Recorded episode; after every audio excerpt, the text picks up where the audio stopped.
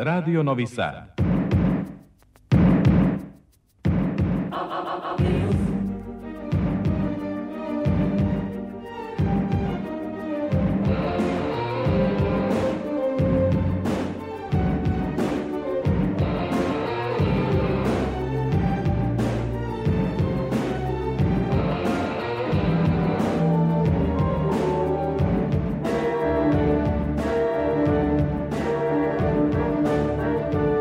Spektar.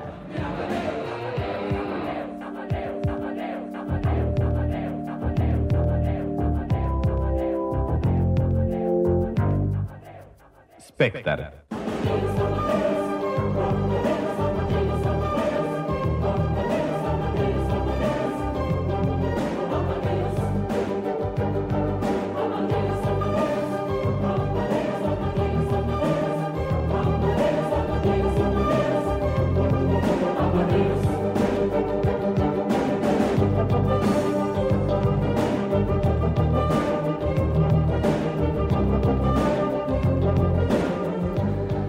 Dragi slušalci, dobroveče i dobrodošli u specijalno praznično izdanje emisije Spektar. Moje ime je Ivana Maletin Ćorilić i bit ću sa vama ovog petka. Praznična euforija se uveliko oseti u našoj zgradi na Mišeluku, a pretpostavljam i u vašim domovima.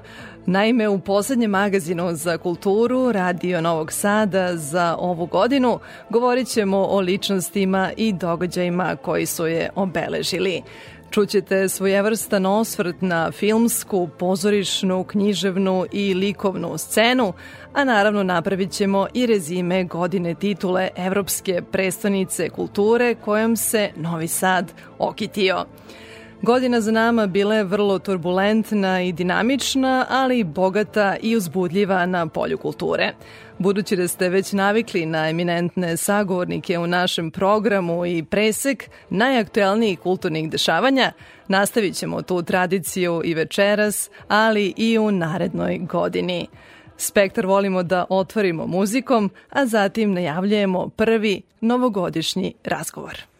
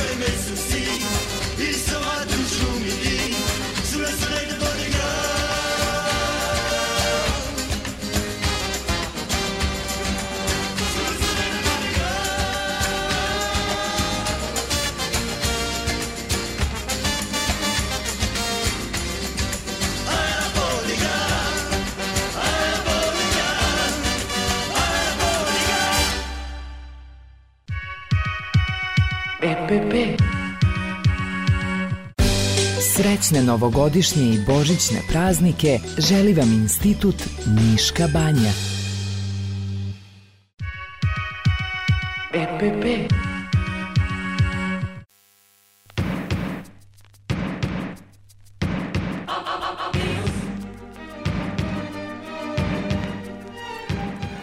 Godinu za nama u Novom Sadu, a i šire, obeležila je titula Evropske prestonice kulture.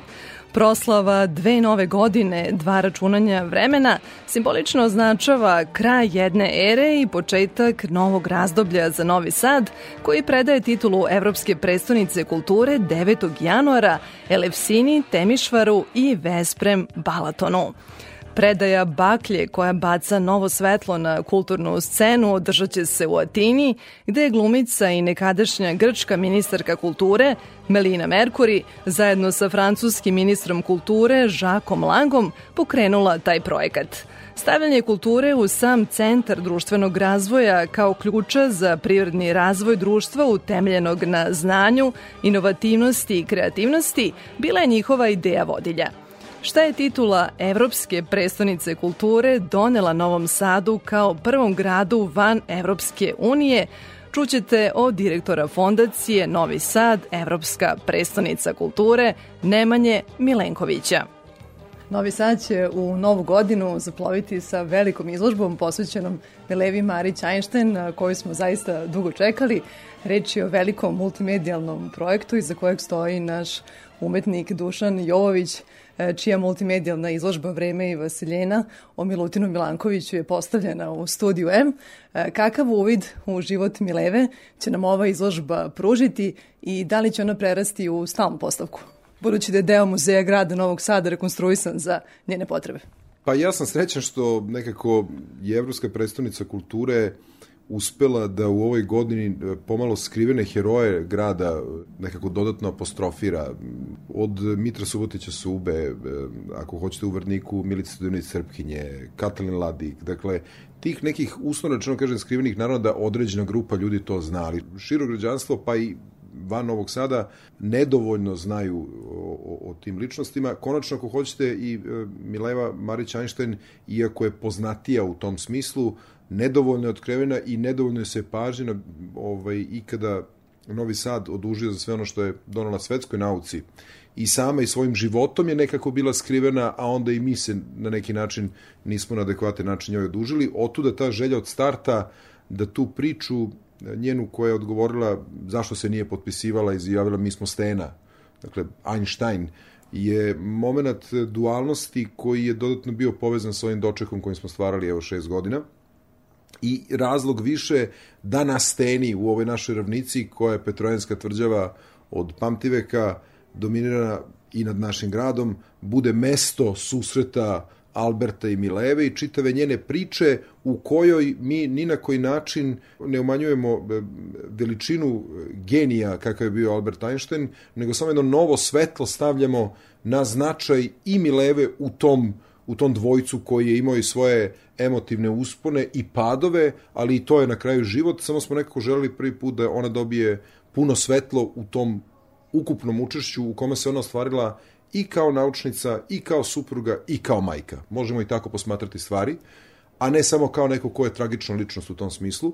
I negde, zahvaljujući njoj, opet, mi smo dobili jedan fantastičan prostor – 1200 kvadratnih metara muzeja grada Novog Sada po najsavremenijim muzeološkim principima koji ostaju fantastičan prostorni legat e, muzeja, ali i smernica kako dalje treba raditi u rekonstrukciji muzeja grada Novog Sada koji dominira nad Novim Sadom na Petrojanskoj tvrđavi.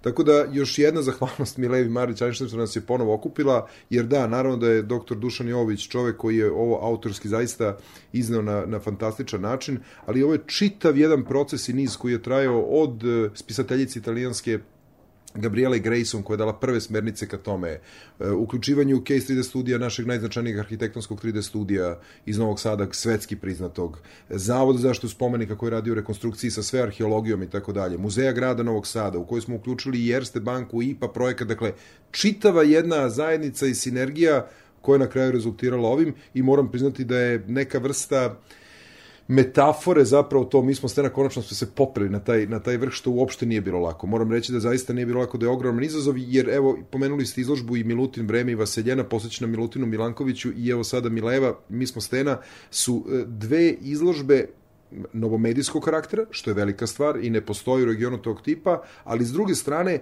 to su projekti koji nisu bili samo izložbenog karaktera, nego je to infrastrukturni projekat koji je potpuno u slučaju Milutina, Vremena i Vaseljene restaurirao, prvo konzervirao prostor Studio M da bi ga očuvao onaka kakav jeste, a onda na to dodao nešto jer to nije galerijski prostor. To su hodnici, ako sećate se, bili kojima smo prolazili i prosto nepre, do neprepoznatljivosti smo ga doveli. A s druge strane, ovo sada što je urađeno utoliko više jedan zalog za budućnost kako takozvana jednostavna kasarna koja se nalazi uz arsenal to sad kažem, to su dva objekta u prošlosti koji su se koristili u, u, u vojnom smislu za Petrovinsku tvrđavu, sada muzeja grada Novog Sada, imaju prostor i mogućnost da zapravo to na taj način i predstavimo istoriju grada Novog Sada. Mislim da je ta naznaka bila i u onom depadansu dole u ovaj muzeja grada Novog Sada u Dunavskoj ulici kada smo radili akcente u okviru programskog luka Seobe, videli smo kako i na koji način atraktivno i drugačije može da se predstavi i sama istorija našeg grada. Tako da sve skupa Ovo je jedna velika završnica uz Tesla svetlosnu galeriju koju smo započeli prošle godine, ove godine dodatno aktualizujemo s novim umetnicima iz e, Evrope i sveta. Novi Sad zaista se nekako u tom vizualnom smislu novomedijskom pozicionirao kao jedan od lidera. Da, Gradić kao barokni dragulj Novog Sada zasio je u godini titul Evropske predstavnice kulture u jednom potpuno novom e, ruhu. E, kakav je dugoročan plan njegovog razvoja? Svedoci smo da je i festival uličnih svirača kao i brojne druge manifestacije postao e, deo njega. Da li će on biti pretvoren u pešačku zonu i postati nova kulturna četvrt Novog Sada? Ja se iskreno nadam tome. Ovo je naravno pitanje pre svega za donosioce odluka u samom gradu. Mi smo dali neke vizije i viđenje u kom pravcu neke stvari mogu da se rade i na to sam izuzetno ponosan ispred svog tima i podrške grada koje smo dobili.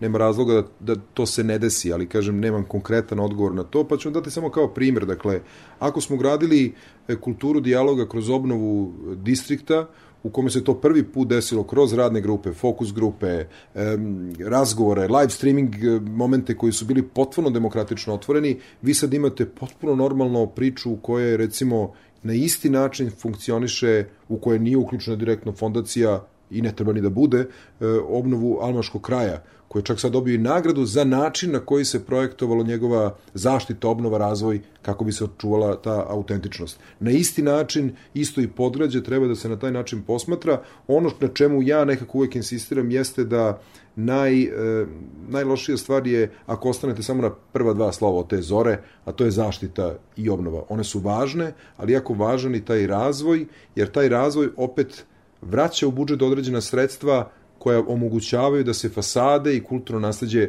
i dalje obnavljaju i to u toj sprezi vi dobijate zapravo jedinstven model kako i na koji način se čuva nasledđe. Jer, s druge strane, ako uzmete u obzir da recimo kada smo počinjali doček, puno komentara je bilo kako je taj januar mesec, negde generalno 31. decembar, tako, tako, već januar su mrtvi periodi u turističkom smislu.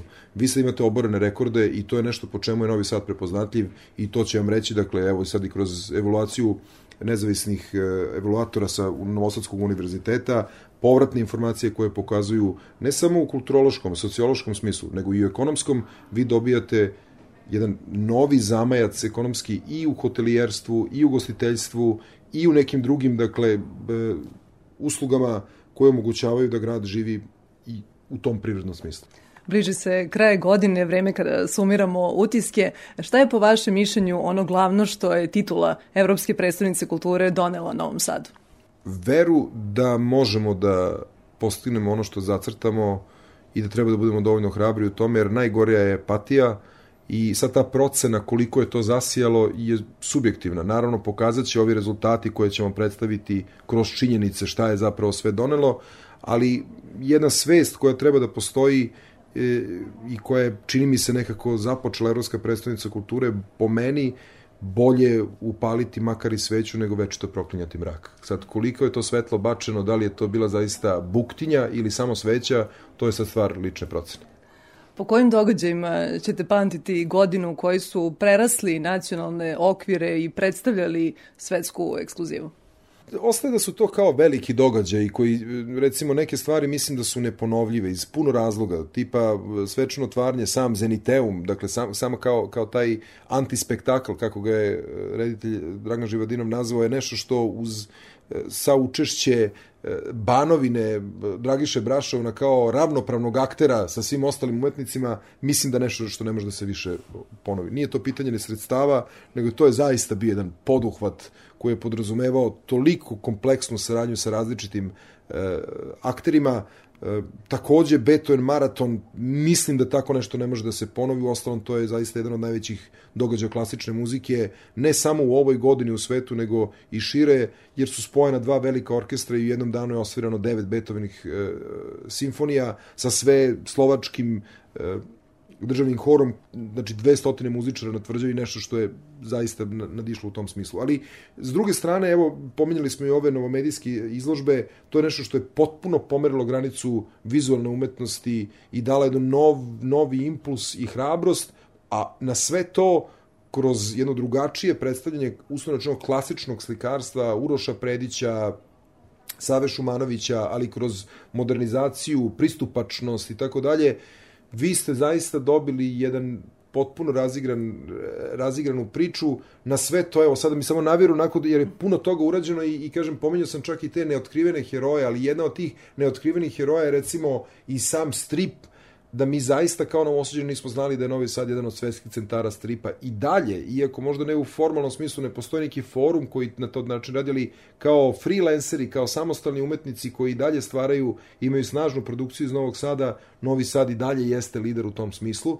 E, pričamo o prvi put snimljenom filmu o nastanku grada, koji, evo, nadam se da od 1. februara ćemo ponovo pustiti e, široj populaciji da pogleda, koja će opet kroz seriju koja treba da počne da se emituje, novosađenima prvi put otkriti priču o svom gradu, kako i na koji način u saradnju samih građana su postali e, slobodni građani. Evo, polako ispraćamo ovu 2022. godinu. Da li će projekat Evropske predstavnice kulture nastaviti da živi u nekom drugom obliku i da li će Fondacija Novi Sad, Evropska predstavnica kulture, nastaviti sa radom? To je pitanje pre svega za donosioca odluka u gradu. Ja verujem da ono što je dobro započeto, niko ne želi da, da, da se toga liči. E, kako i u kojoj formi čekamo još uvijek da vidimo. Ono što je do nas bilo, moram da napomenem to da nijedna evropska predstavnica kulture nije praktično e, kalendarski, ako posmatrate, predstavila svoj program u tri godine. O, ovo vam kažem kada posmatrate da je počeo program 31. decembra 2021. a završava se 13. januara 2023 uglavnom evropske predstavnice kulture traju 8 do 9 meseci. Dakle, ovo je nešto što je nadišlo sve do sada... Počelo još 2016. Tako je. Iz druge, titule. Tako da. je. I s druge strane, pa ste, šesti doček. Niko ne radi Znači, svi se koncentrišu na tu godinu da pripreme programe. To je zapravo pokazivalo našu snažnu volju da stvari koje smo započeli, da nije sama za sebe suština ta titula, nego šta gradimo, šta smo izgradili i šta nam ostaje posle toga. Otuda verujem da u programskom smislu ono za što će se fondacija zalagati jeste još snažniji, još bolji kalidoskop kulture i doček kao nešto što zaista jeste prepoznatljivost dva, dva ključna momenta grada. Da li će neki drugi programi ostati legatski, ja bih voleo. Tipa, evo videli se da je u finale ušao i festival za mlade e, zastave budućnosti na evropskom nivou, dakle ukoliko se okiti tom nagradom, ali i bez nje, on pokazuje ogroman moment impulsa koji je dat upravo kroz distrikt tog novog talasa e, koji se ponovo desi u Novom Sadu. Da li je projekat nacionalne prestonice kulture logičan nastavak tog puta? Videli smo da je Čačak predstavio svoj program i poneo prvi tu titulu u našoj zemlji. Ja mislim da je to dobra praksa i da je velika stvar da se to prelilo kao koncept i prema gradovima, zato što ta vrsta, ponovo nazivam ga rama, dakle neke uslovnosti kako nešto može da se nazove nacionalnom predstavnicom, u našem slučaju evropske, evropskom predstavnicom kulture, su određena vrsta pravila igre. Dakle, ne možete biti nacionalna predstavnica e, kulture ukoliko nemate strategiju razvoja kulture. Dakle, ukoliko ne promišljate dugoročno, strateški, kontinuirano radite na tome, ja mislim da je to dobro, jer je ima tu laskavu, laskav moment da ste tog tipa nešto, ali kao što sam govorio i za Evropsku predstavnicu kulture, ne postaje grad koji već jeste Evropska predstavnica kulture, a to je Beč, Berlin, Pariz i tako dalje, nego grad koji želi da e, u svom razvoju daljem, ukupnom, stavi kulturu na važno mesto i da tako transformiše sebe ne samo u kulturnom smislu, nego i sociološkom, privrednom, pa ako hoćete i političkom. I u tom smislu ta nagrada na nacionalnom nivou je isto jedan pokretač razvoja manjih gradova koji su kroz ovu tranziciju koja se desila zaista dosta ajde da kažem i propatili ako hoćete i depopularizacija se u velikoj meri dešava, tako da mislim da je važno da imamo jedan kvalitetan život i građanima koji su u manjim mestima, manjim gradovima i jedan takmičarski duh, zašto ne, između svih njih.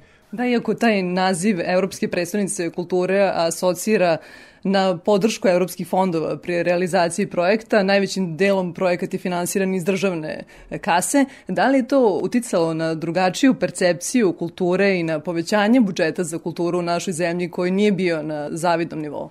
Tako je, mislim, za početak vi imate sada u ovom trenutku, dakle, budžet Novog Sada koji je po izdvajanjima na evropskom nivou, ne mislim samo u kvantitetu, po najmanje u kvantitetu, nego u procentima. Zato što u kvantitetu Novi Sad jeste jedan od e, gradova koji je imao najmanji budžet za pripreme Evropske predstavnice kulture u tom programskom smislu promotivnom, ali smo to uspeli kroz sufinansiranje i saradnju sa ustanovama i van institucionalnom scenom da ubacivanjem u svoje planove rada mi na neki način dupliramo E, vrednost tog budžeta, što mislim da je velika stvar, nije bilo lako, niti se svakom sviđalo na početku, ali mislim da su sad svi shvatili benefit toga, jer to ono što ja pričam, to je ta kultura zajedništva. Dakle, tada ono Dostojevski Vera počinje tamo da jedan i jedan više nisu dva, daju jednu novu vrednost kada se udružujemo i radimo zajedno, imamo zajedničke ciljeve i postavljamo u kome smo zapravo svi dobili nešto, a ne samo da nekako se držimo svojih nekih feuda i okvira koji nas više ograničavaju nego što nas zapravo razvijaju dalje.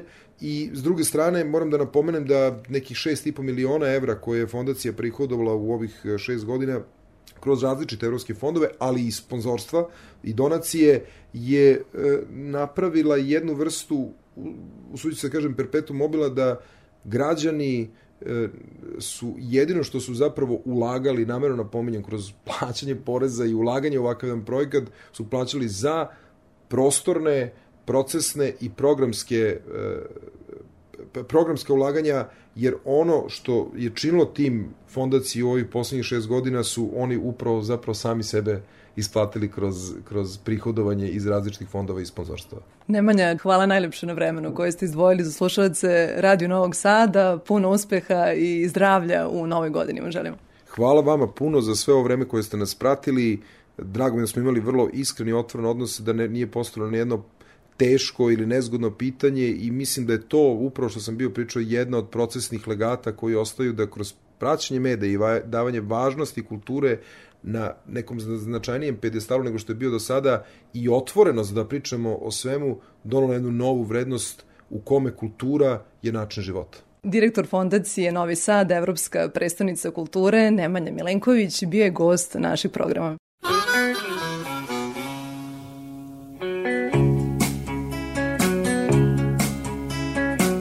Say that Richard Corey owns one half of this here town with political connections to spread his wealth around. Born into society, a banker's only child. He had everything a man could want power, grace, and style. But I, I work in his factory and I curse the life that I'm living. And I curse my poverty. And I wish that I could be. Yeah, wish that I could be. God, wish that I could be. Richard Corey.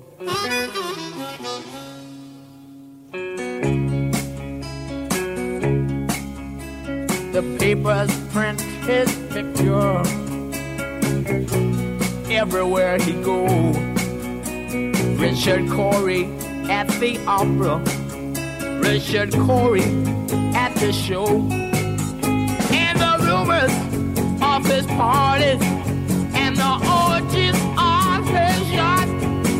Wow, the soul must be happy with everything that he has got but I, I work in his factory. And I curse the life I'm living. And I curse my poverty. And I wish that I could be. Yeah, wish that I could be. Lord, I wish that I could be. Richard Corey. He freely gave to charity and had the common touch. They were grateful for his patronage and thanked him very much. So my mind was filled with wonder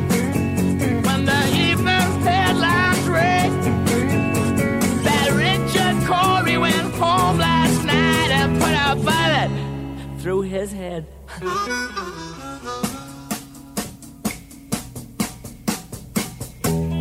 but I, I work in his factory, and I don't dig the life I'm living. I curse my poverty, and I wish that I could be, and I wish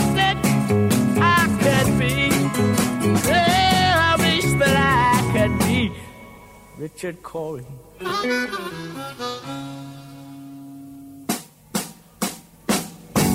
I wish that I could be. Lord, I wish that I could be. Yeah, I wish that I could be. So oh, I wish that I could be just like Richard Corey.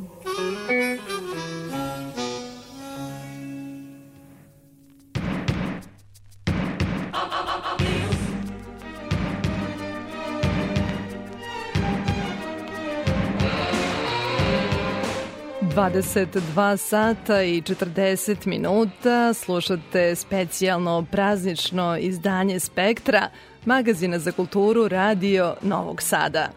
Nizom vrhunskih izložbi tokom 2022. Galerija Matice Srpske obeležila je godinu u kojoj slavi jubilej, 175 godina od osnivanja i godinu u kojoj Novi Sad nosio titulu kulturne prestonice Evrope – Najstarija srpska riznica dobila je povodom godišnjice i monografiju, čiji dodatak posebno raduje publiku i nas medije. U posebnoj publikaciji objavljeni su osim podataka o svim izložbama, knjigama i programima i imena dobrotvora i prijatelja galerije, među kojima je i naša kuća, radio televizija Vojvodine.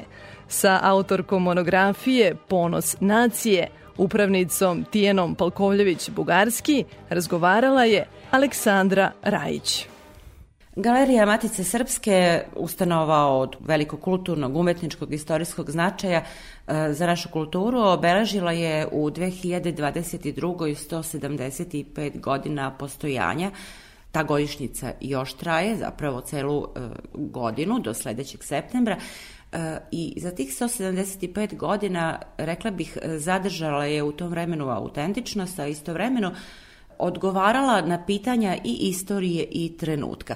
Danas je, eto, svedećimo to u programima, u vašim izložbama, jedna moderna galerija, Na čemu se to danas temelji, kako se postiže zapravo simetrija između tog istorijskog značaja i tog savremenog? To jeste uvek najteže pitanje kako pronaći svoju autentičnost i posebnost u ovom vremenu u kome živimo, u kome i u privatnom i u javnom i u poslovnom životu sve nekako počne da liči jedno na drugo i postane vrlo slično kao sve u epohi globalizma.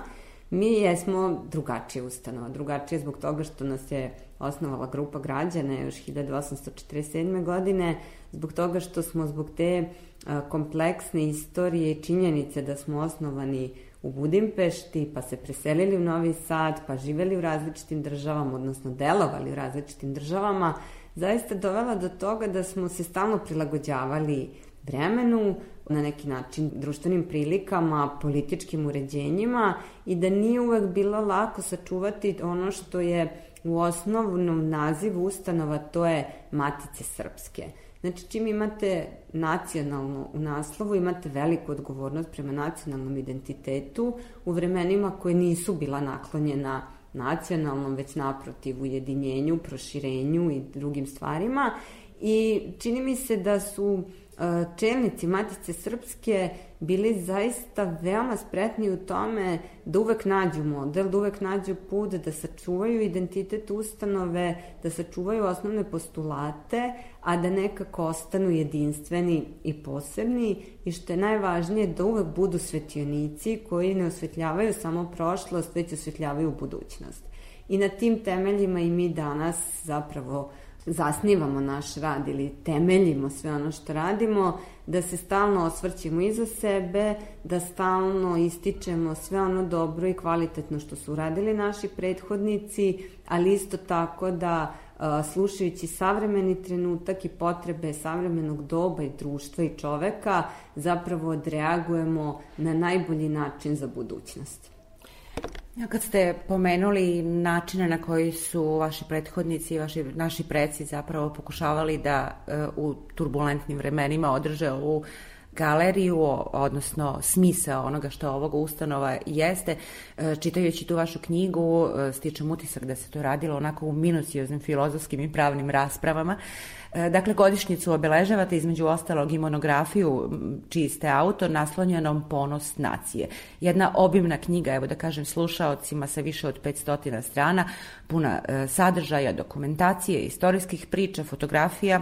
A, vaš recenzent e, Branko Bešlin kaže da nije bilo jednostavno sačiniti monografiju, monografsko izdanje o nečemu dugom gotovo dva veka. Šta su bili vaši motivi i šta su bili naravno izazovi? Motivi su bili pre svega kako predstaviti istorijat jedne ustanove i napisati biografiju ustanove. I kada sam, to je bila zapravo i teza mog doktorskog rada i na odbrani upravo to istaknuto da je to biografija ustanove, ne monografija, jer i ustanove su kao živa bića, ona prolaze različite faze i nekako je bilo jako kompleksno sagledati prvo taj dug period, sagledati ono što su najznačajniji moment, jer nisu svi momenti podjednako značajni u razvoju ustanove, istaći one pojedince koji zaista jesu ostavili dubok trag, one koji su postavili temelje istovremeno napisati jednu knjigu koja ne govori samo o prošlosti, već ima težnju da govori o budućnosti, odnosno da trasira dalji razvoj, da podsjeti naš, da kažem, nacion na to koliko je važno zalaganje pojedinca od Save Tekilije kao našeg prvog preko Uroša Predvića kome smo isto posvetili u ovoj godini jubilarnu izložbu, Đorđe Jovanovića ili niza drugih umetnika i stvaraoca i stručnjaka koji su bili deo ove institucije i koji su nekako uvek imali svest o tom opštem dobru, ne o sobstvenim interesima, nego onom dobru koje je dobro za nacionalnu kulturu, za budućnost nacije, za razvoj umetnosti i što je najvažnije za razvoj mladih. I ako krenemo od Save Tekilije koji je napravio Tekilijanum sa idejom da se školuju mlada Srpčad u Budimu na univerzitetu, mi se danas na svoj način bavimo i decom i mladima i pokušavamo da budemo mesto ne samo uživanja, nego i edukacije različitih vrsta. Najveći deo vaše knjige je posvećen je naravno onom vremenu od osamostaljenja Galerije Matice Srpske od muzeja i e, zapravo Matice Srpske, dakle posle rata, a kažete u knjizi da je tek uspostavljanjem Srbije e, kao države galerija e, pokazala pun svoj kapacitet jedne nacionalne galerije, jedne naučne ustanove, bitne kulturne naravno ustanove. Međutim, rekla bih da se tu krug ne zatvara, Dakle, kakve su vizije za razvoj galerije?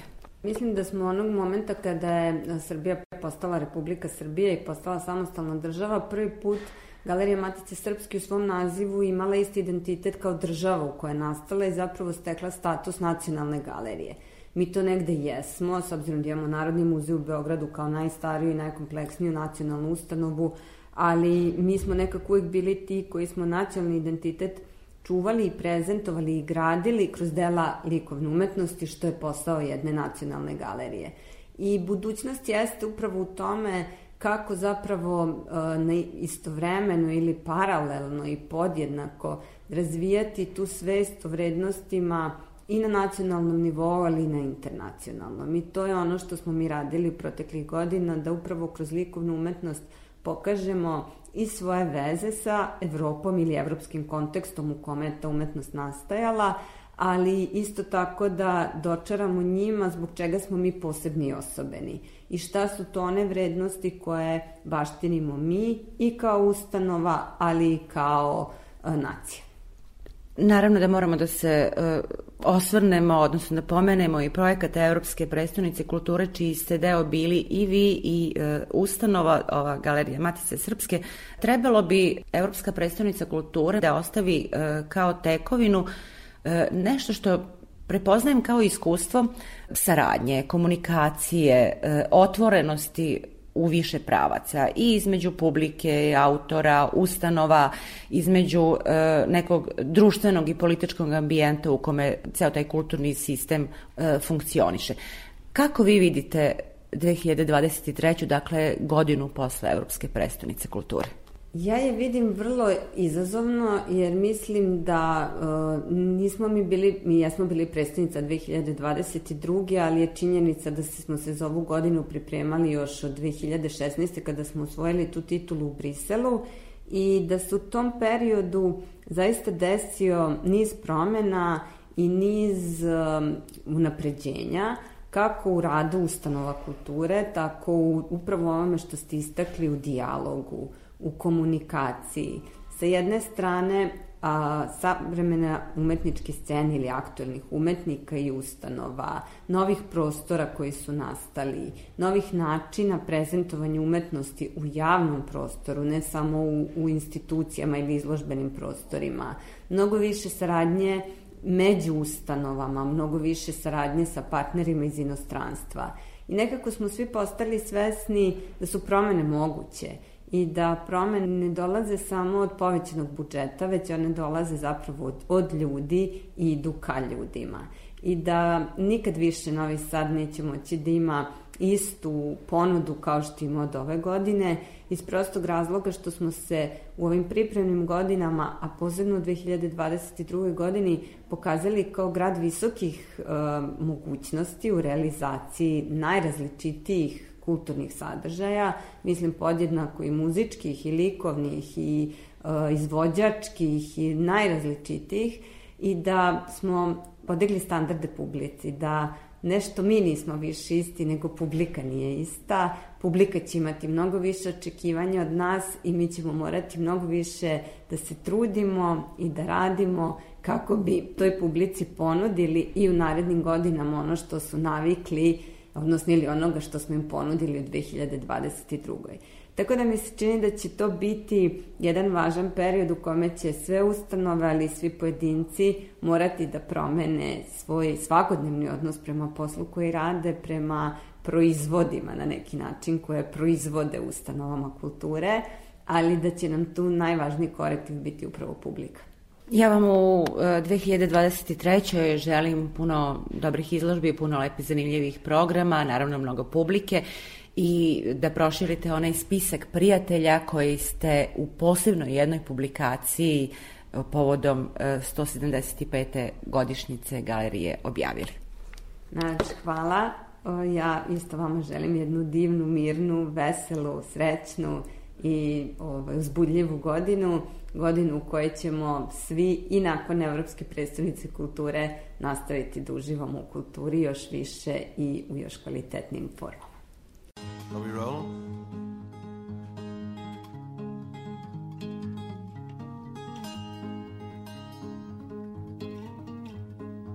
I don't mind if you go, I don't mind if you take it slow.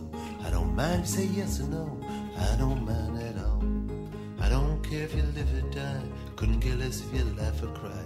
I don't mind if you crash or fly. I don't mind at all.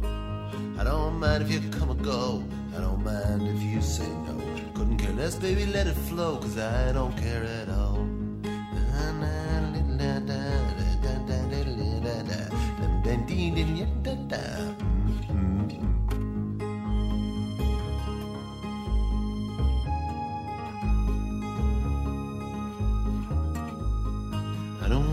Sink or swim, lock me out or let me in. Where I'm going or where I've been, I don't mind at all. I don't mind if the government falls, implements more futile laws. I don't care if the nation stalls, and I don't care at all. I don't care if they tear down trees, I don't feel the hotter breeze, sinking dust and dying seas, and I don't care at all. Let's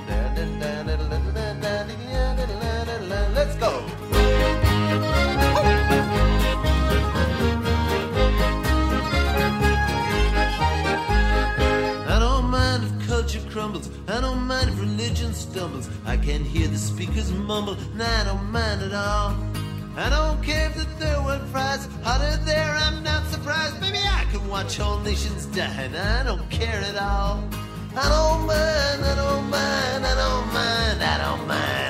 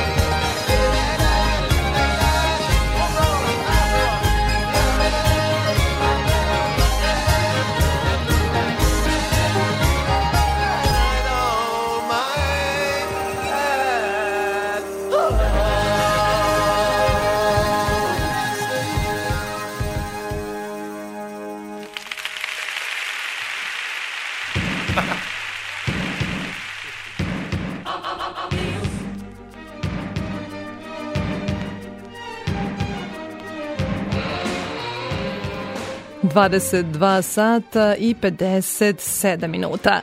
Slušate praznični spektar i rekapitulaciju 2022. godine. Književnost je nakon dve godine pauze dobila priliku da bude promovisana na sajmu knjiga u Beogradu. Ekskluzivno i u okviru Evropske prestonice kulture održan je bogat i raznovrsni književni program. Istovremeno, književna produkcija ne posustaje uprko sve izraženijim sumnjama u važnost knjige za ovdašnju kulturu sa Vladislavom Gordić-Petković, kritičarkom, teoretičarkom i univerzitetskom profesorkom o protekloj književnoj godini razgovarala je Tatjana Novčić-Matijević. po nečemu se mnogo razlikuje od 21. a zapravo mnogo toga je slično. Kada kažem da se puno razlikuje, mislim prvenstveno održan je sajam knjiga, što je za sav književni svet važan podatak, važna činjenica, važno i za čitaoce i prosto kao jedna ozbiljna kulturološka činjenica. Sajam je izuzetno bio važan zbog toga što je omogućio da na jednom mestu vidimo puno novih knjiga i onih knjiga koje su nam u prethodne dve godine možda promakle. Bilo je važno videti da književnost, mislim tu na poeziju i na prozu, ne posustaje, da imamo mnogo novih mladih autora, naročito u oblasti poezije koji daju jedan novi ton i jedan novi oblik našoj književnoj sceni daju puno toga, vitalnosti, novih poetika, novih uticaja i ono što je još važnije, novih iskustava, jer i u 2022. ostala je ta tendencija književnosti da se ne bavi sobom, nego da se bavi piscem, da se bavi svojim autorom. Negde su netragom nestala vremena formalnog eksperimenta, mi i dalje živimo u vremenu u kome pisci pišu najviše o svom iskustvu, ako ne o sobstvenom, ako se ne bave transponovanjem sobstvenog iskustva, onda se bave transponovanjem u književnost iskustva jedne šire društvene zajednice ili jednog istorijskog entiteta. Još jedna važna činjenica je bila relevantna naročito za život ovoga grada, to jeste godina Evropske prestonice kulture i taj književni program je negde, čini mi se, po obimu i sadržaju bio egal sa svim ostalim umetnostima, ali to je ovako jedno reportersko viđenje stvari. Iznutra kakav je utisak? Prestonica je učinila dosta toga da se teme koje su važne za ovaj grad stave u prvi plan. Konkretno serija razgovora o Novom Sadu kao književnom gradu koje je vodio Vladimir Gvozden i sa piscima i sa kritičarima zaista je dao jednu novu sliku o tom svetu zvanom Novi Sad koji je svima nama i blizu i daleko, blizu zato što smo geografski tu, ali daleko zato što možda ne prepoznajemo sve umetnike i umetnice koji tu delaju već godinama i decenijama i koji nisu možda dovoljno vidljivi. Druga stvar koja mi se čini izuzetno bitnom jeste Noć književnosti, koja je u prvi plan stavila sedam naslova prevedenih knjiga za koje smo mogli da vidimo i da se porazno svedočimo da nisu dovoljno bile prisutne, jer recimo nama je gotovo promakao roman Radu Pavela Gea Disko Titanik, koji se bavi bivšom Jugoslavijom, koji se bavi kontaktima Jugoslavije i Rumunije i koji predstavlja i jednu vrstu sociološke anamneze koja je istovremeno literarno vrlo superiorna, međutim ta knjiga je ostala gotovo neprimećena i da nije bilo gostovanja Rumunije na sajmu knjiga kao zemlje koja se predstavlja, možda bi i ta knjiga kao i antologija rumunske priče koju je priredila Oana Hergenreter ostala potpuno neprimećena. Rekao ste malo čas, stigli su novi glasovi. To je uvek dobro za književnost. Oni su bili vidljivi na sajmu, a koliko su vidljivi kad sajma nema? Odnosno, da li je stigao novi talas energije stvaralačke u srpsku književnost i koliko je ona bitna, ne samo za književnost, koliko je uopšte bitna za, za ovo društvo. Stvaralačka energija se pojavljuje na najneočekivanije načine, jer e, mogli smo da vidimo i ove godine, kao i nekoliko prethodnih, da stvaraoci menjaju poetike i menjaju način izražavanja, da recimo više pesnika i pesnikinja prelazi u prozne vode. Zanimljivo je recimo da je Ana Marija Grbić imala u dve godine dve prozne knjige, prvenstveno poznata kao pesnikinja, prošle godine je objavila knjigu Priče Srneća leđa, ove godine je objavila roman Mrtvina Dodir koji predstavlja po mom mišljenju jedan izuzetan omaž delu i radu Biljane Jovanović jer piše na njenom tragu. Sa druge strane treba pomenuti našeg sugrađanina Vladimira Kopicla koji se evo od pre mesec dana oglasio i svojim trećim romanom Paklena putarina, koji je privukao čitaoce igrivošću i zanimljivim sučeljavanjem e, životnog iskustva i prozne igre. Sa druge strane, oživljavaju ponovo neki autori neka imena koji su možda tihovali prethodnih godina. Goran Petrović je eto, ove godine objavio dva romana. Goran Milašinović se pojavio sa novim romanom Muk. Slobodan Tišma se takođe aktivirao i najavljuje zapravo romanesknu trilogiju od kojih je život pesnika prvo ovogodišnje izdanje. I recimo zanimljivo je kad govorimo od o tim uslovno rečeno prelascima iz žanra u žanr iz jedne vrste iskaza u drugi videti da je recimo Danica Vukićević objavila knjigu Unutrašnje more koja se može čitati i kao roman i kao sklop sentenci i kao jedna diskontinuirana prozna priča o životu, iskustvima i osjećanjima.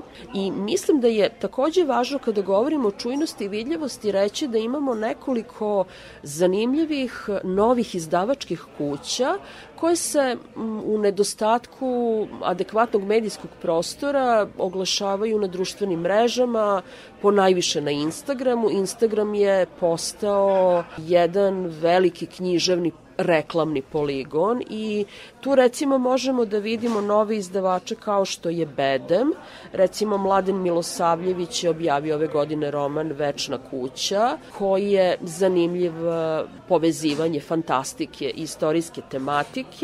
Zatim treba pomenuti Mastilo izdavaštvo koje se uglavnom bavi objavljivanjem prevedene proze, kao i Vaganar koji se specijalizuje za francusku književnost.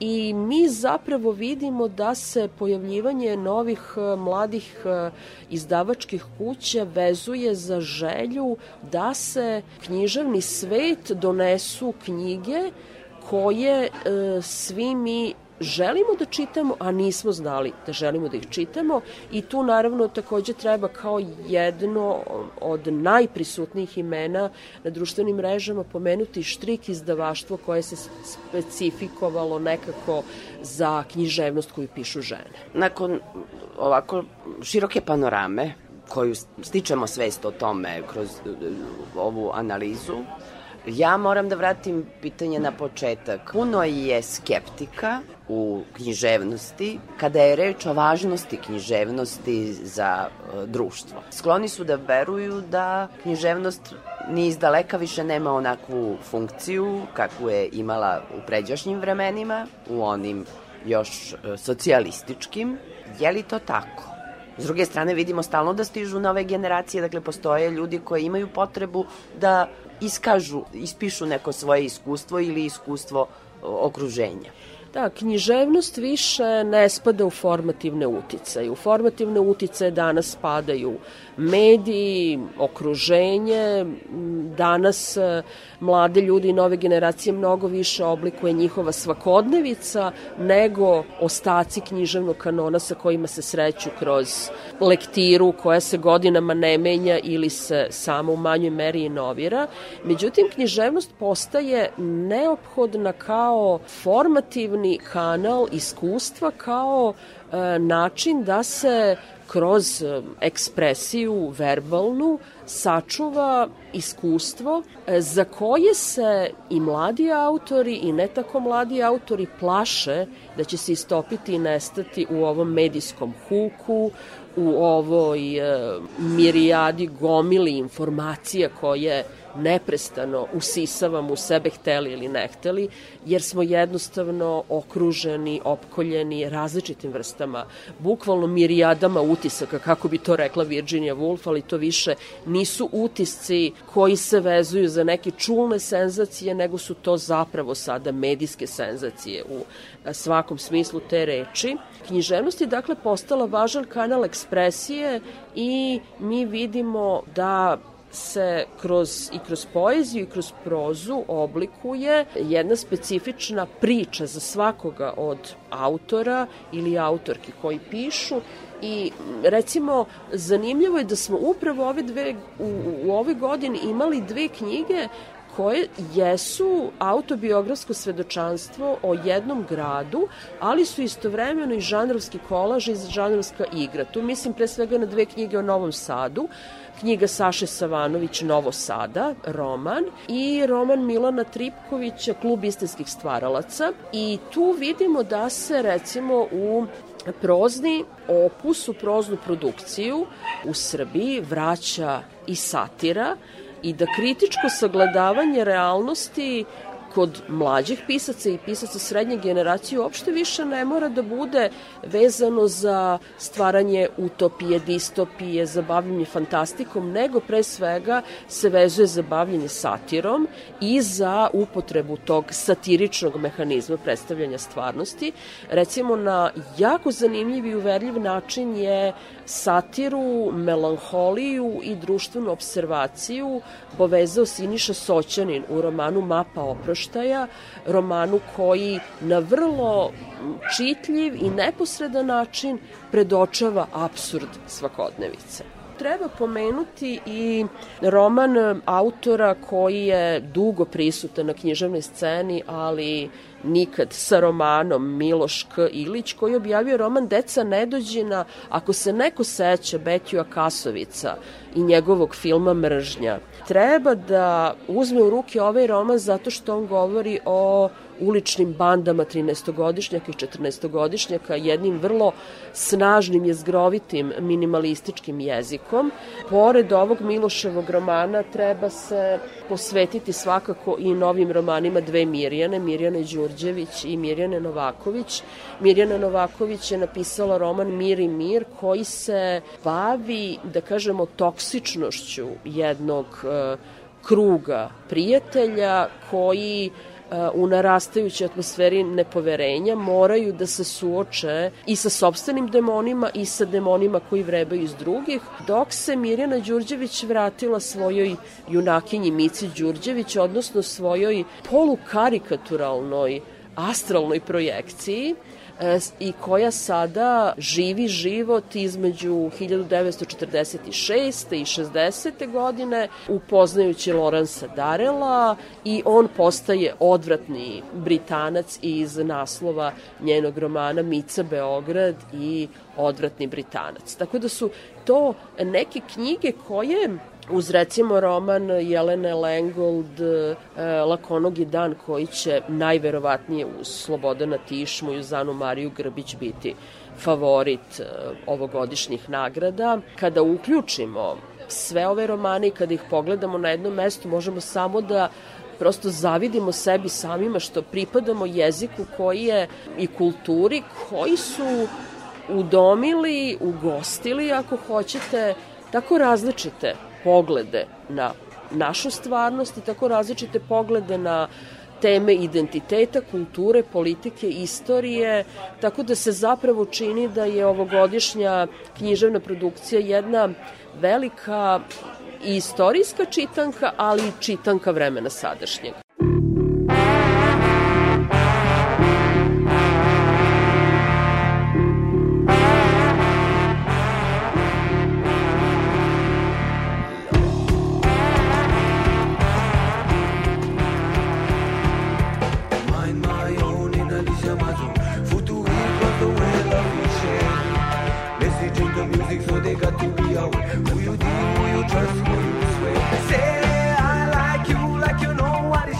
be strong and alone, nothing's wrong.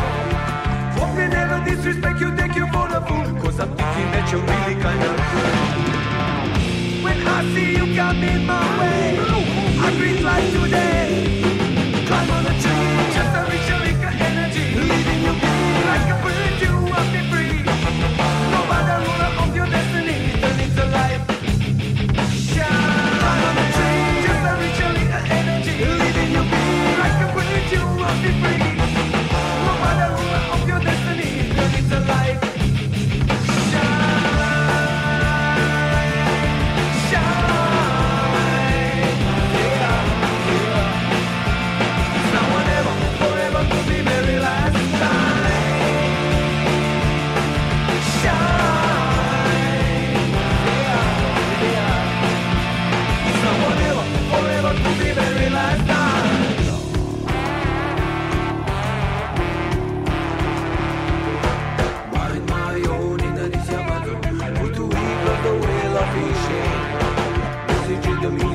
that to be a wicked. Who you deal, Will you trust, Will you sway. Say I like you, like you know what is true. To be strong and alone, nothing's wrong. Hope they never disrespect you, take you for the fool. Cause I'm thinking that you're really kinda. When I see you coming my way, I dream like today. Trying to change, just a ritual.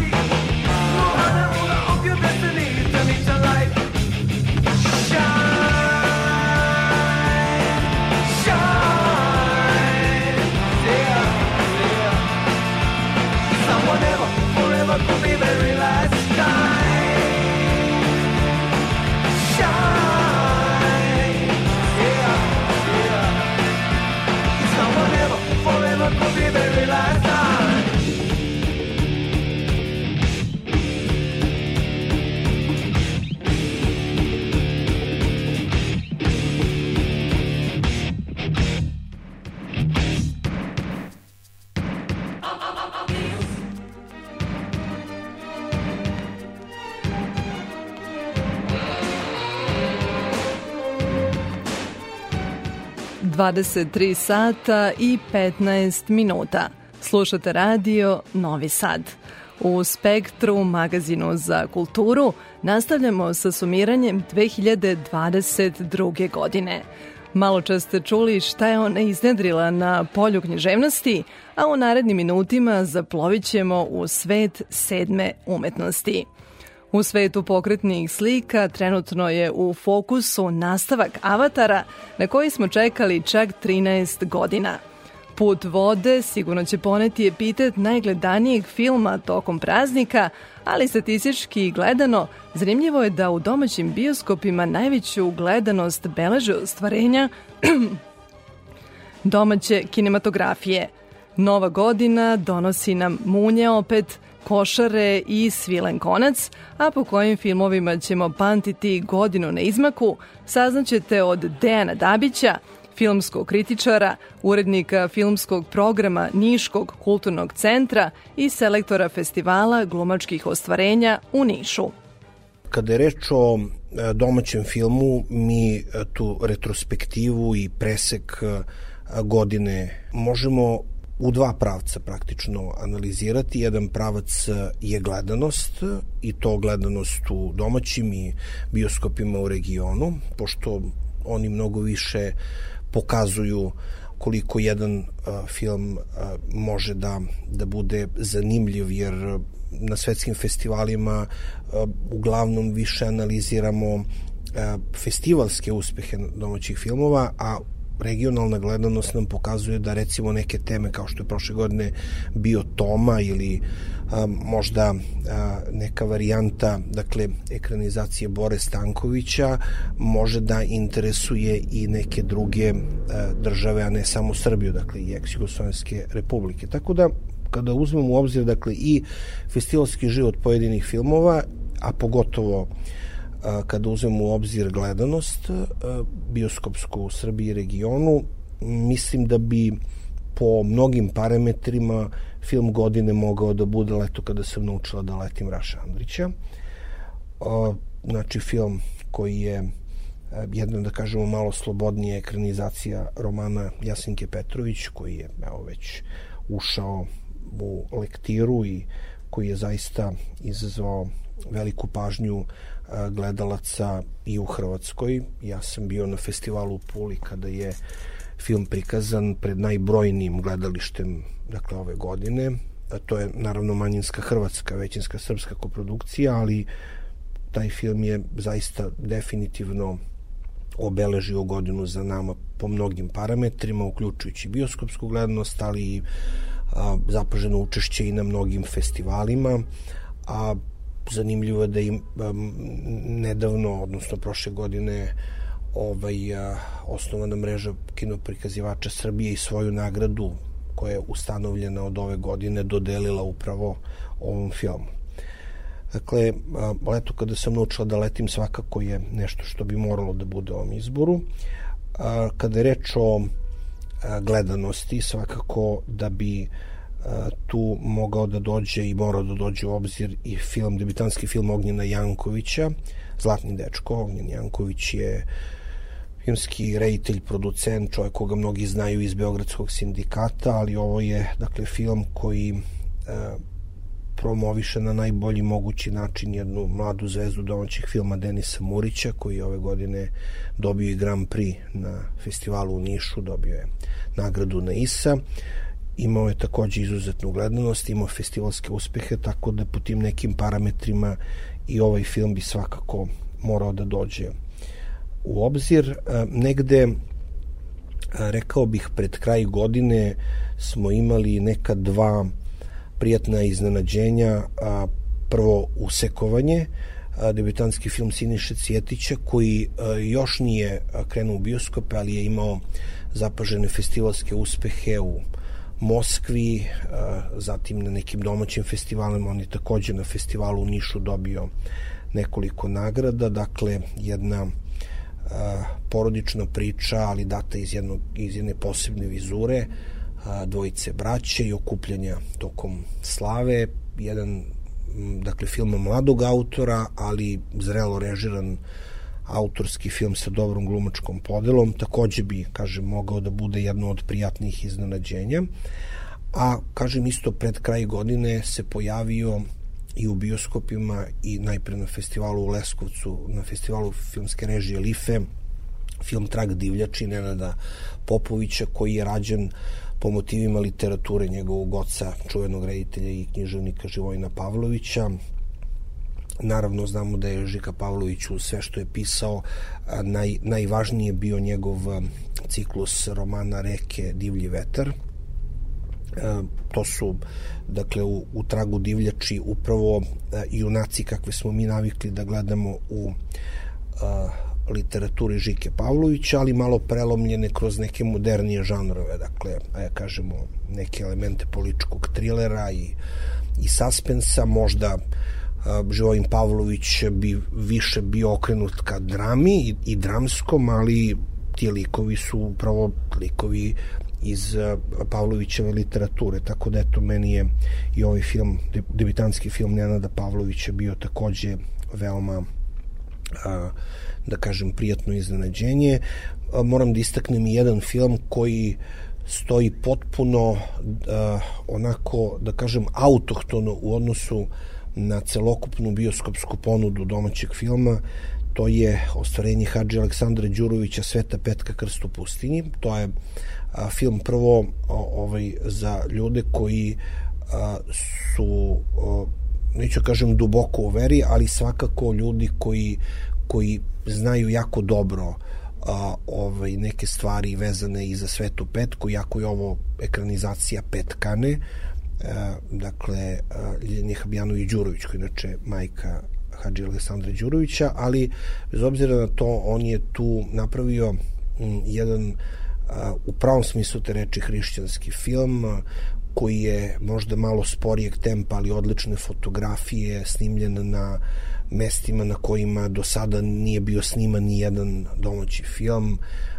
dakle, to je a jordansko-srpska koprodukcija, dakle jedan potpuno autentičan, nesvakidašnji film koji je po meni gledalo dosta gledalaca s obzirom na činjenicu da je to jedan film koji govori o svetiteljki koji možda za gledalce koje religija ne interesuje ni u toj meri atraktivan, ali svakako prijatno iznenađenje kada je reči o o gledanosti, nisam sasvim siguran koliko je ovaj, mislim ne negde do 70-80 hiljada gledalaca došao, što za tu vrstu filma je zaista sjajno i negde pred kraj godine se pojavila Vera, a, koja isto beleži jedan stvarno nesvakidašnji a, ovaj gledalački uspeh u bioskopima.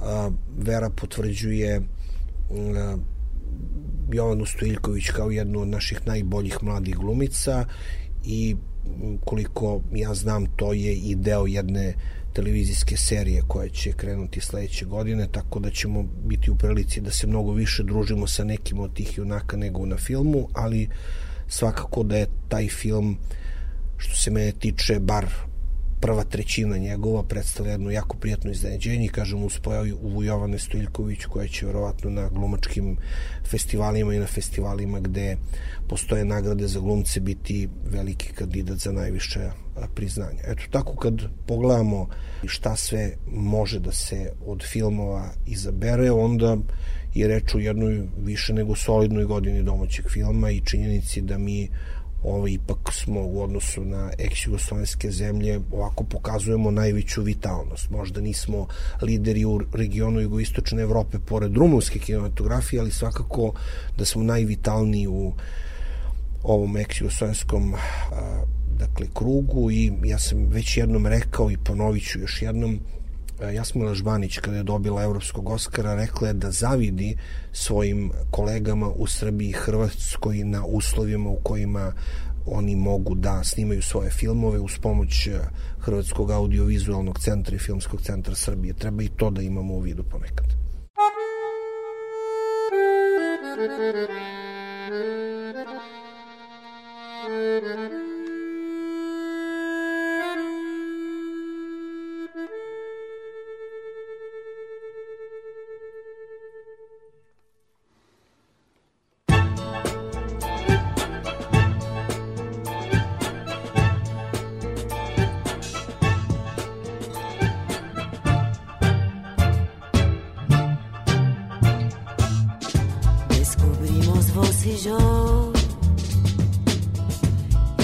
actriz de carnaval.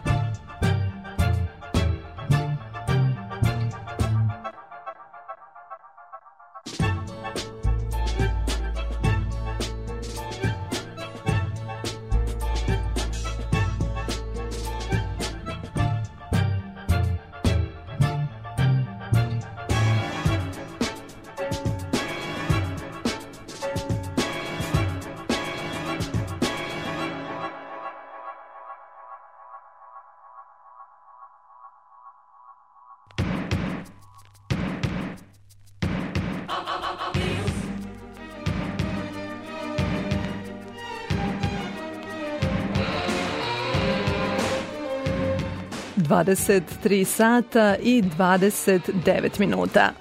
Poslednji, ali ne manje bitan sagovornik u poslednjem retrospektivnom izdanju Spektra za ovu godinu je teatrolog i direktor Sterinog pozorja Miroslav Miki Radonjić. Sterino pozorje 2022. beleži kao vrlo uspešnu, najavljujući velika i kapitalna dela na početku nove godine. Sa njim je razgovarala Vesna Farkaš.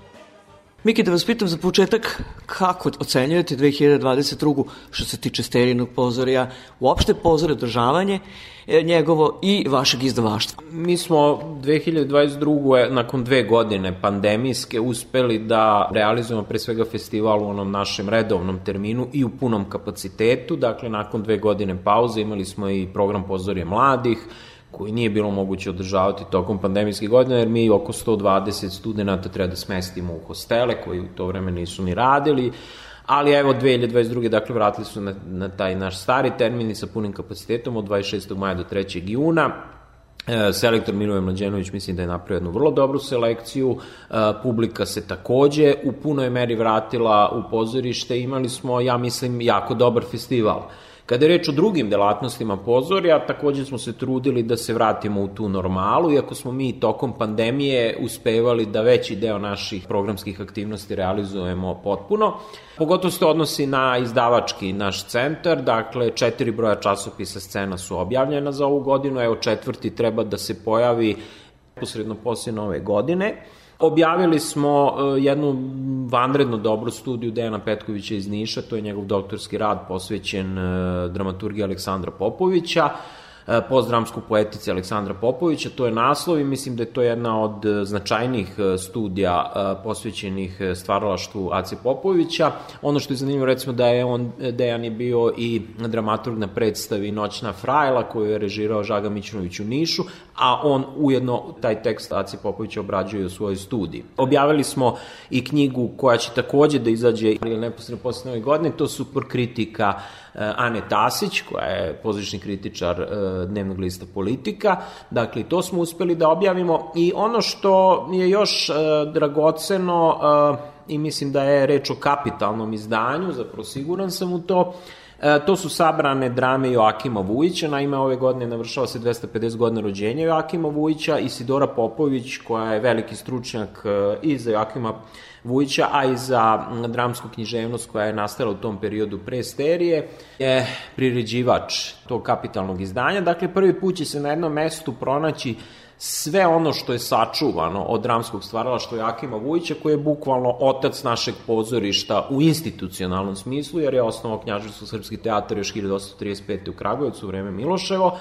Njegov život je bio jako uzbudljiv i ta knjiga, evo, na neki način je mali omaž e, Joakimu Vujiću i uh, mislim da se, eto, isterno pozorje odužilo Steri, što smo objavili sabrana dramska dela Sterije pre deseta godina u dve knjige, evo ove godine izlaze dakle sabrane drame Joakima Vujića i mi ćemo e, čitav niz promocija imati tokom naredne godine, krenut ćemo od Budimpešte, jer je to i sasvim prirodno, dakle započe neki profesionalni gažma Joakima Vujića, pa ćemo otići do Kragujevca i onda naravno e, diljem naše zemlje da promovišemo tu knjigu i mislim da će to eto, obeležiti naše izdavaštvo i ove, a i iduće godine. Imamo već neke ambiciozne planovi za iduću godinu oko izdavaštva. Naš dokumentacijno istraživački centar je objavio godišnjak pozorišta Srbije. E, iduće godine ćemo da uhvatimo taj ritam da izlazimo neposredno po završetku sezone izlazeći godišnjak. To nije bilo moguće u vreme pandemije jer se sve je bilo znatno usporeno.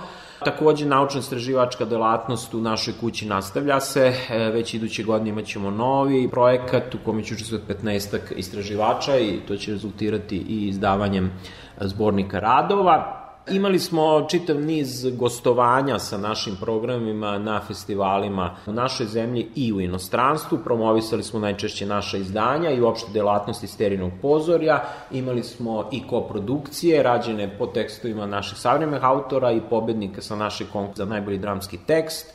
To se nastavlja i ove godine, evo konkurs se završio, pristiglo oko 50 dramskih tekstovi, naš žiri će e, do kraja februara doneti odluku o nagradi, a 29. marta iduće godine na dan pozorja biće uručena ta nagrada na konkursu. E, tako da e, pozor je, mislim da ovu 2022. završava zadovoljno. Naravno uvek može nešto i da se poboljša, ali ovaj nešto ćemo naravno ostaviti za iduću godinu.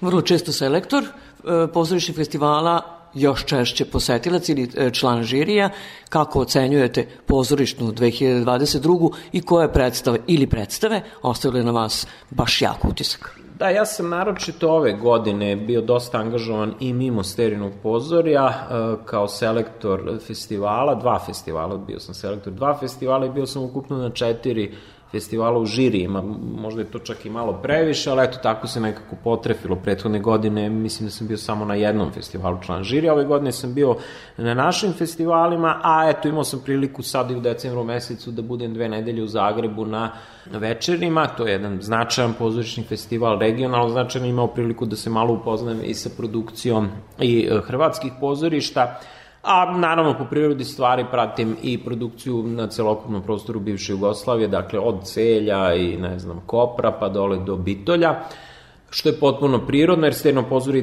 dalje ima renome, pogotovo na tim prostorima bivše Jugoslavije, pa i malo šire. Kada je reč o ovoj godini, bilo je tu čitav niz značajnih predstava i na ovim festivalima na kojima sam ja učestvovao, a i mimo toga. Bilo je i savremenih domaćih dramskih tekstova, preispitivanje naše klasike.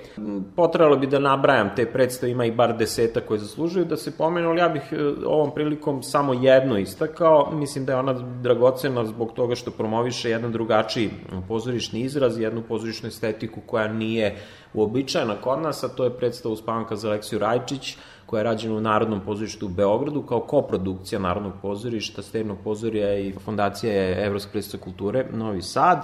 Tekst je Đorđe Kozić koji je pobedio na našem konkursu, reditelj Juk Đorđević, dakle jedna mlada autorska ekipa. Vanja Idus igra glavnu ulogu, dobila je već i nekoliko nagrada za, za, za tu predstavu i to jeste nešto što zaista predstavlja iskorak i uh, u repertoaru i u i u nekoj pozorišnoj estetici i Narodnog pozorišta u Beogradu, ali i mnogo šire i mislim da će ta predstava već učestvovala na nekim festivalima i sigurno da će učestvovati tokom naredne godine i mislim da ona zaista zaslužuje da se pomene, a kažem, čitam niz još drugih predstava o kojima bih mogao što što da kažem, ali mislim da sad i nemamo dovoljno vremena da sve elaboriram. Hvala vam mnogo, srećno mnogo godina i sve najbolje u 2023. Takođe i vama i vašim slušalcima i naravno vidimo se naredne godine na sterinom pozorju, a i na drugim pozorišnim dešavanjima. Mislim da je pozorište jedna plemenita umetnost koja nas sve zajedno čini boljima.